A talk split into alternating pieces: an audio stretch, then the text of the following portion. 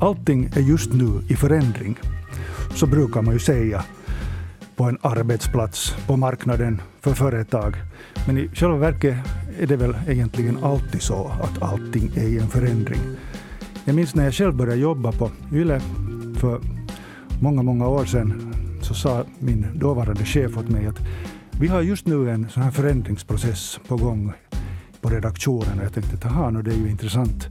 Men jag märkte så småningom att den förändringsprocessen tog aldrig slut och den fortsätter än idag. Och det här är dagens tema, personlig förändring.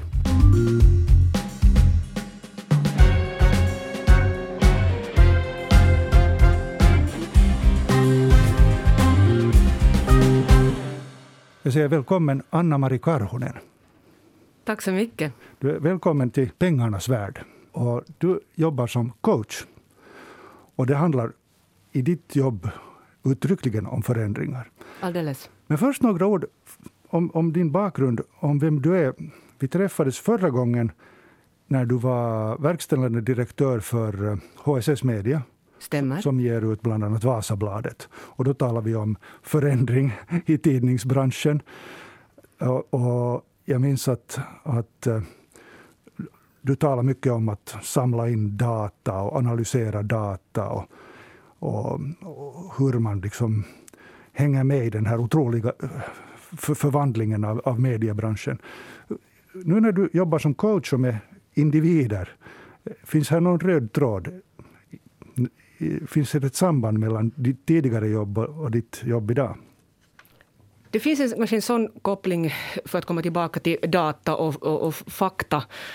Eh, så där eh, i företagsvärlden så handlar det väldigt mycket om det att man ska inte gissa utan man baserar sina beslut på någon typ av fakta. Är det sen finansiell data eller någon data av kundbeteende eller något, vidare bortåt.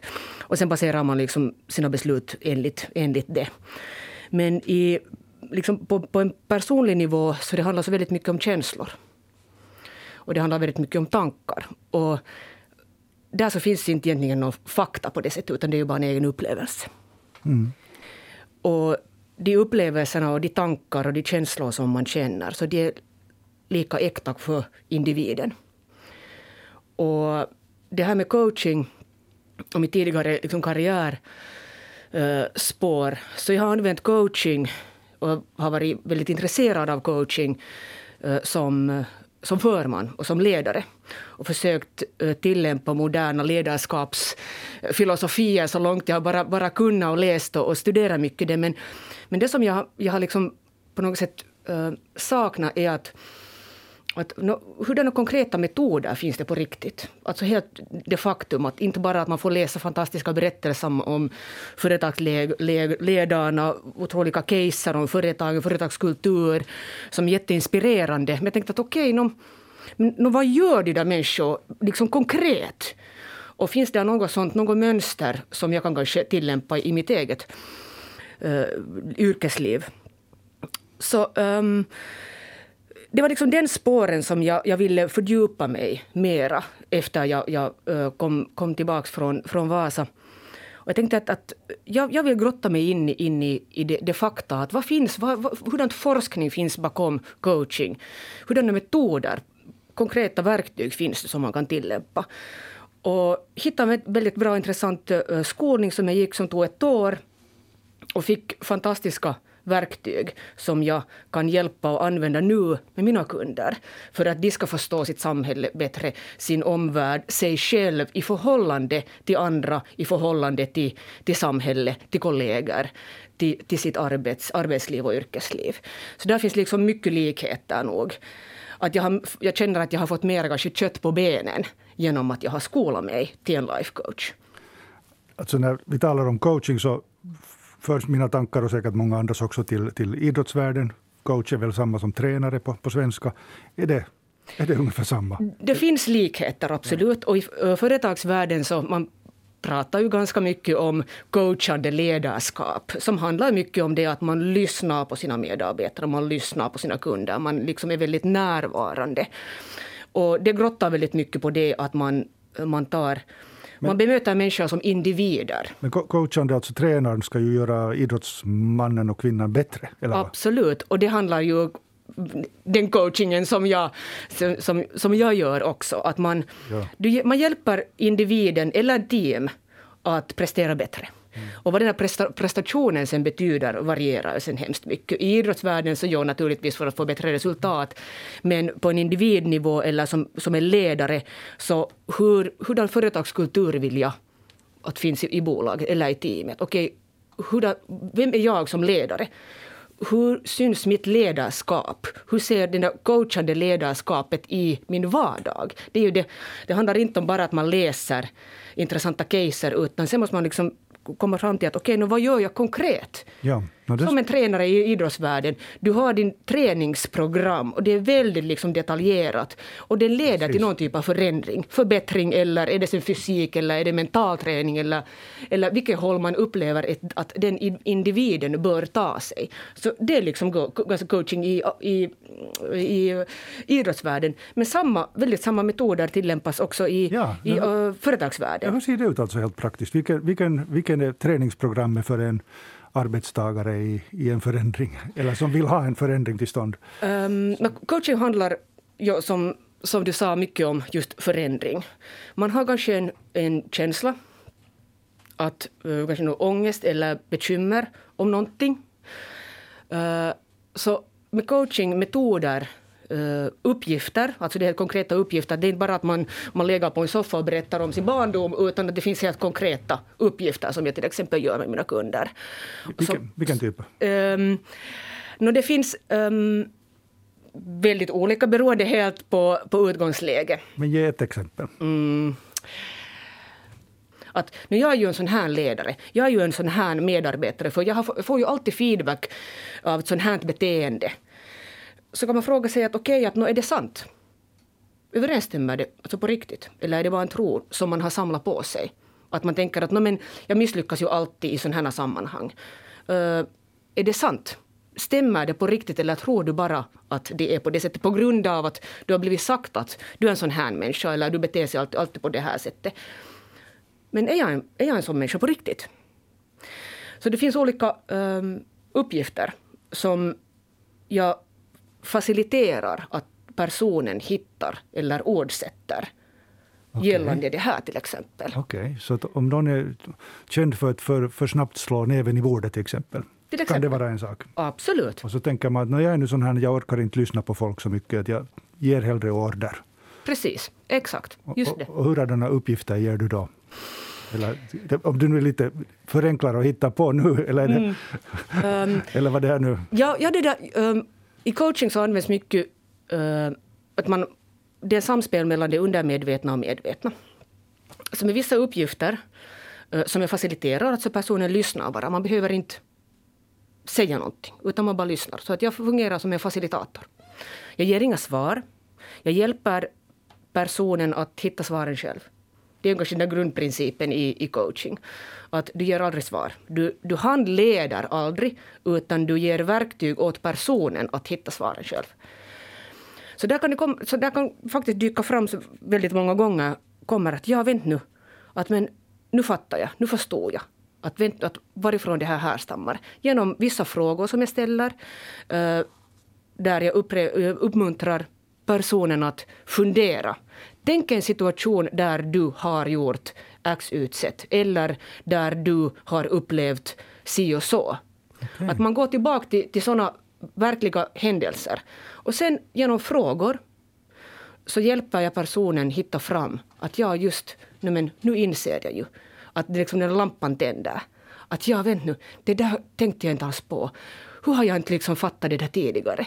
Men det, det kräver att någon hjälper dig hitta fram svaret. Är det sådana stunder som, som kommer med dina kunder att oj, varför har jag inte fattat det här förut? Ja, och det, det händer varje gång. Det är ju en härlig känsla. Det är en fantastisk känsla uh, för mig, naturligtvis, att jag har kunnat hjälpa personen att hitta svaren. Mm. Men för personen, man, man, man ser det i deras hets kroppsspråk. Att på något sätt, det, det hittar en lättnad.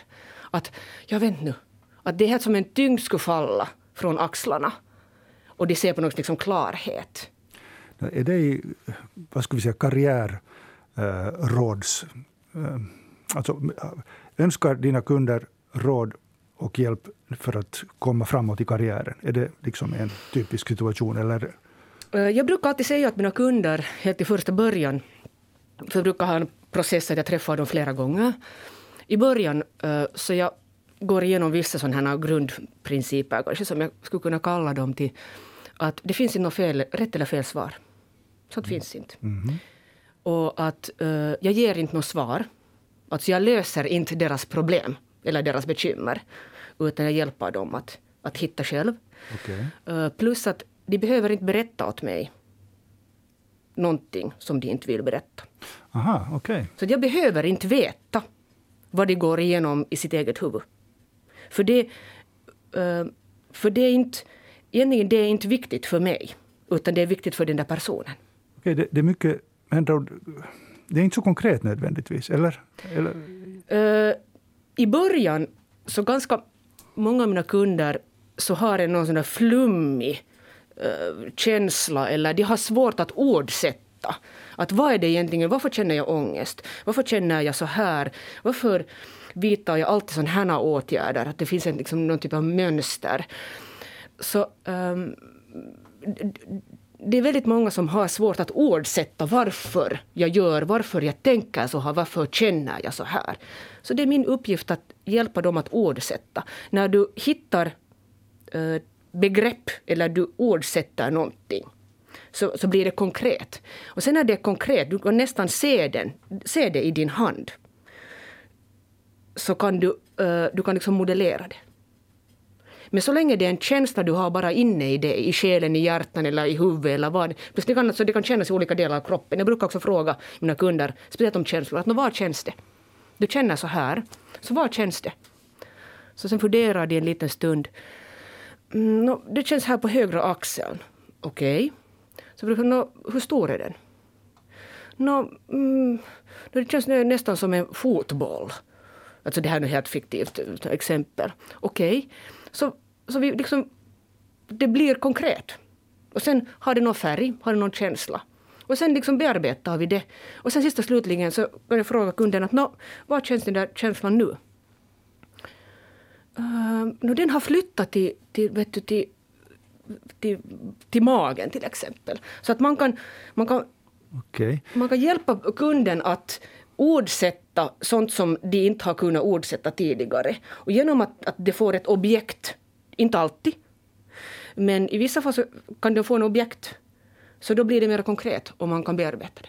Och sen kan det också försvinna. Så det här är mera på...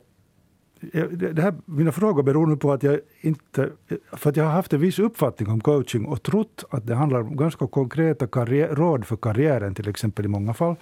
Men nu märker jag att det handlar mer om känslor och eh, undermedvetna processer och, och, och sånt som egentligen inte nödvändigtvis ens har att göra med, med, din, med ditt jobb, utan har att göra med dig som helhet, som människa.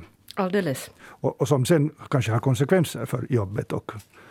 Du har så rätt, för vi är en helhet. Det som händer, händer i privata livet eh, påverkar vårt jobb och vice versa. Mm. Vill vi eller inte medvetet eller omedvetet, men på något sätt mm. påverkar. Vi är ju en helhet. Så det att, att man tänker på karriär, så det är ju ändå en människa, det är ju en individ som bygger sin karriär eller som är på jobbet som individ. Så om jag är helt ärlig så jag, jag har svårt att urskilja de här två. Utan man, jag, jag ser människa som en människa som har olika bekymmer eller behov för förändring eller också som vi lite tangerade här tidigare före, före vi började, att att att inte förändra är också en förändring. Att hitta ron i det som är nu i, på gång i livet. Att det är bra. Och det är också helt okej. Okay. Och det är en stor lättnad också för många. Speciellt jag har kunder som jobbar som företagsledare.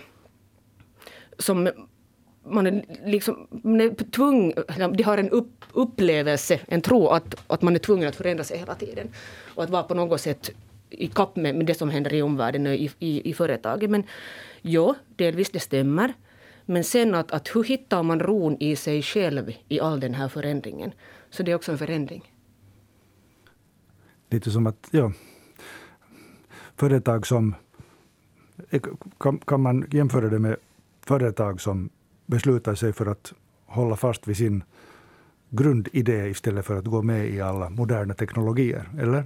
Är det, är det samma sak? Inte nödvändigtvis, utan mm, företag måste ju måste och måste, men i bästa fall så uh, se fram, framför och se liksom framåt att okej, okay, hur ska vi vara konkurrenskraftiga också i framtiden för att kunna säkerställa jobb och för att säkerställa liksom allt det ekonomiska och kanske anställa mera människor och så vidare bortåt. Men sen vad händer i individen i den förändringen, alltså personen? Det är det som det handlar om.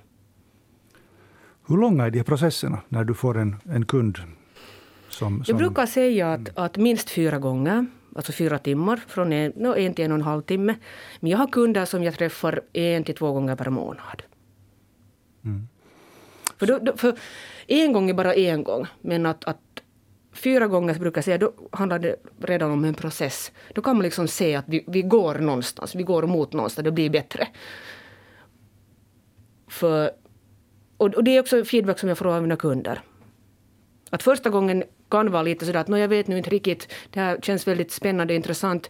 Eh, jag har nu inte riktigt helt klara målsättningar för den här processen. Så hej, det är okej. Okay. Allt är okej. Okay. Vi börjar. Och sen kanske under andra sessionen så kommer liksom börjar den lampan liksom tända. jag vet nu, okej, okay, nu, nu börjar liksom den röda tråden, man börjar hitta den. Och sen kan man liksom grotta sig närmare i vissa, vissa ämnen. Vi sitter här alltså nu i pengarnas värld och diskuterar med Anna-Mari Karhunen om coaching. Och jag tänkte fråga dig, eh, hur vet du som coach när du lyckas? Har lyckats? Mm. Då när jag ser uh, förändring i mina kunder, så att säga, och förändring, uh, jag ser det i kroppsspråket. Och i vissa fall så ordsätter mina kunder också. Att det här var helt jättebra, nu förstår jag. Jag känner lättnad, jag, jag, jag ser klarhet. Jag ser uh, tydligare mina målsättningar. Uh, så det är liksom såna, sånt feedback som jag får. Så då vet jag att, att okej, okay, yes, det har, det har liksom gått åt, åt rätt riktning. Plus att sen jag fått feedback efteråt av vissa kunder att våra sessioner har på något sätt gett en kick till en annan förändringsprocess. Där jag kanske inte mera med. Och, och fått liksom tack från det att, att jag har kunnat på något sätt skuffa människor. Ge lite den där kicken. Eh, Utmana dem på ett, på ett passligt sätt för att de har vågat ta någon typ av steg. Någon förändring som de har funderat kanske jättelänge. Och så att de är jättetacksamma över det att de har vågat. Så att jag har liksom kunnat ge dem på något sätt styrka eller mod eller någon klarhet. Och det, det är jättefint att höra. För, för jag ser att, att mina kunder i sådana här liksom diskussioner att de är nöjda i sitt liv, i sig själv. Man behöver inte vara nöjd med mig. Men att det är viktigt att jag ser att de är nöjda i den processen som de har själv gått igenom. Mm. Eh, de här covid-tiderna som vi nu har levat i, så har de, har de påverkat ditt jobb? Har, har du fått fler kunder? Är det, har, det, har det märkts liksom i din bransch? Mm, det märks nog, ja. Eh, och väldigt mycket karriärfrågor dyker ju nog fram. Och det behöver inte handla om att man har blivit arbetslös eller permitterad utan, utan allt att hur ska man liksom, hur ska man liksom klara av det här?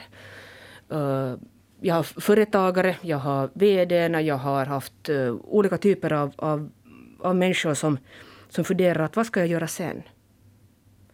Jag har haft, det var en läkare, jag har haft faktiskt, nu när jag kommer på, jag har en, en läkare som sa att hon vill, hon vill inte jobba som läkare mera. Men tänk, tänk att hur liksom stor fråga det är för, för individen. Du har skolat dig till läkare, du har jobbat länge som läkare. Bara för att sen uppfatta att det är inte alls det som du vill göra. Var det här en ung, yngre människa eller en som har varit länge i karriären? Uh, ganska ung människa, ja. ja. Och sen har jag haft en jurist med helt samma, samma budskap. Att, att hon har kanske inlett den branschen av helt fel orsaker från första början. Och att, att det, egentligen, det är inte alls något sånt som hon vill jobba mera med. Hon har jobbat länge med det. Så att, det är inte alls det som jag vill göra. Det är jättestora äh, existentiella frågor, för du bygger ju också din identitet på basen av det. Du, din utbildning, din karriär, ditt liksom arbetsumgänge. Sen plötsligt bara uppfattat, att vad ska jag göra nu? Slutligen, eh, går du själv hos en coach? Har du själv använt coaching? Jag har gjort det, ja. Och det är ju en viktig del också av utbildningen. Det tog ett år. Och under det året så man går ju också igenom en egen process. Det hör till. Så att jag har gjort alla uppgifter själv. Åt mig själv och också åt mina, mina kollegor. Och jag tycker personligen att, eh, och är av den åsikten att alla borde ha en coach. För det, med, med, coaching så det är en helt annan sak att man pratar med sina närmaste, sina käraste människor. Man bollar saker, man reflekterar livet, sina bekymmer. Och det är en fantastisk och väldigt viktig uh, resurs som alla borde ha. Men genom att man bollar och reflekterar sitt liv, sina bekymmer, sina ångest med en utomstående. Så det är en helt annan sak. För jag har ju en viss objektivitet. Vi, har inte, vi delar inte på samma bakgrund. Vi har inte varit på samma resor eller uh, nyårsafton och, och så vidare bortåt. Så vi, vi har inte den här historien. Ja. Utan jag bemöter människor som de är. Och jag har haft såna ledare som har sagt att jag vet nu att de saker som jag pratar med dig borde jag ju prata med min chef. Till exempel. Eller de här frågor så borde jag ju prata med min man eller min fru eller min, mina föräldrar. Att det är sådana saker som man vågar ta upp med en person som man inte har en gemensam historia. Så det är därför jag tycker att var, varje människa borde ha en coach. På samma sätt så man går kanske på barberare eller, eller någon annanstans en gång i månaden. Så jag tycker att, att så säger till alla mina kunder att det, det är ditt eget tid. Och det är otroligt värdefullt. Ta den tiden. Vi har så bråttom hela tiden. Man springer efter något följande. Man frågar sig när tar man tiden att stanna? Fast för en timme, en och en halv timme. Det är kanske just den stunden man sitter på barberaren. Uh, på samma sätt så att man tar en coachingsession en gång i månaden till exempel. Bara att reflektera, att förebygga före det är för sent.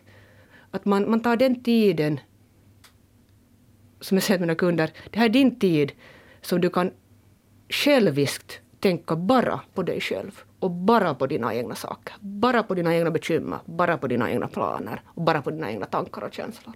Och det är okej. Okay. Tack för att du var med i Pengarnas värld, Anna-Mari Karvonen. Tack så mycket att få vara med.